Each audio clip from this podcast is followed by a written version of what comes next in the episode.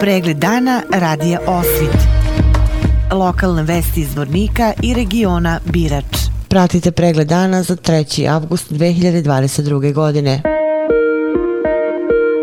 Sindikat Alumine danas je u kabinetu vlade Republike Srpske na ime Radovana Viškovića, predsjednika i Antona Kasipovića, podpredsjednika, prosledilo u formi informacije podsjetnik u kojem ih podsjećaju da još nisu dobili odgovor na zahtev sa protesta od petka. Tekst pisma glasi Poštovani, podsjećamo vas da još uvek nismo dobili povratnu informaciju odgovor na zahtev sindikata sa protesta od 29. jula 2022. godine. Sindikat i radnici ostaju pri svojim zahtevima, dalji protesti koji će sigurno uslediti zbog nereakcije i neoglašavanja vlade Republike Srpske će verovatno izaći iz okvira alumine, te stoga sindikat neće snositi odgovornost za njihovu eskalaciju. Zato vas molimo da što predate svoj doprinos u normalizovanju nastale situacije.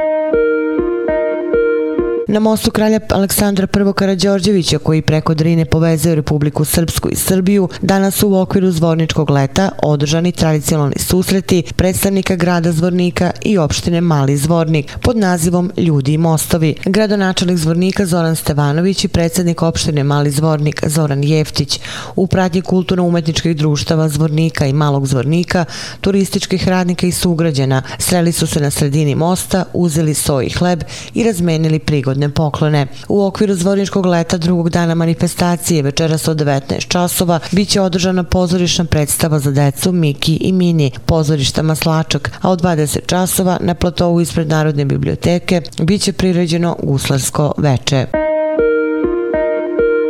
Iz budžeta grada Zvornika za predstojeću 2022-2023. školsku godinu biće izdvojen novac za nabavku učbenika i nastavnih sredstava za decu sa invaliditetom, decu korisnika materijalne pomoći i decu iz hraniteljskih porodica. Biće obuhvatena 102 džaka, sredstvo iznos po 150 maraka, biće im uručeno u školama koje pohađaju. Novčani iznos za nabavku učbenika delit će se prema spiskovima Zvorničkog centra za socijalni rad, a novčana pomoć neće biti odobrena onim učenicima učenicima koji su već ostvarili pravo na besplatne učbenike od Ministarstva prosvete i kulture, Ministarstva porodice, omladine i sporta ili drugog Ministarstva Republike Srpske. Za ovu namenu u gradskom budžetu planirano je 15.300 maraka. Odluka o dodali novčane pomoći objavljena je na zvaničnoj internet stranici i oglasnoj tabli grada Zvornika.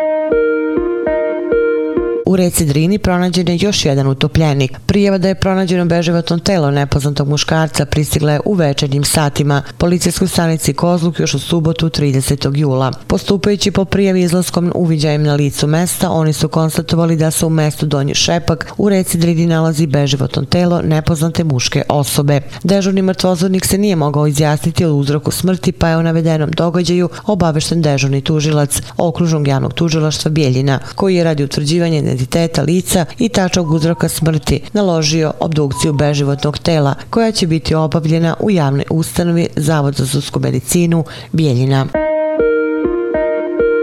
Vesti iz Loznice. Na najstarijem lozičkom hramu crkvi pokrova presvete Bogorodice pre tri meseca započete su kapitalni radovi kako bi ova bogomolja proslavila 150 godina i dočekala u što boljem stanju. Sve radimo u saglasu Zavoda za zaštitu spomenika iz Valjeva, a cilj je da osim kvalitetnih radova i da hram zadrži što približni izgled iz 1873. godine, kada je osvećen, kaže sveštenik Miloš Petrović. Opširni na sajtu lozničkenovosti.com.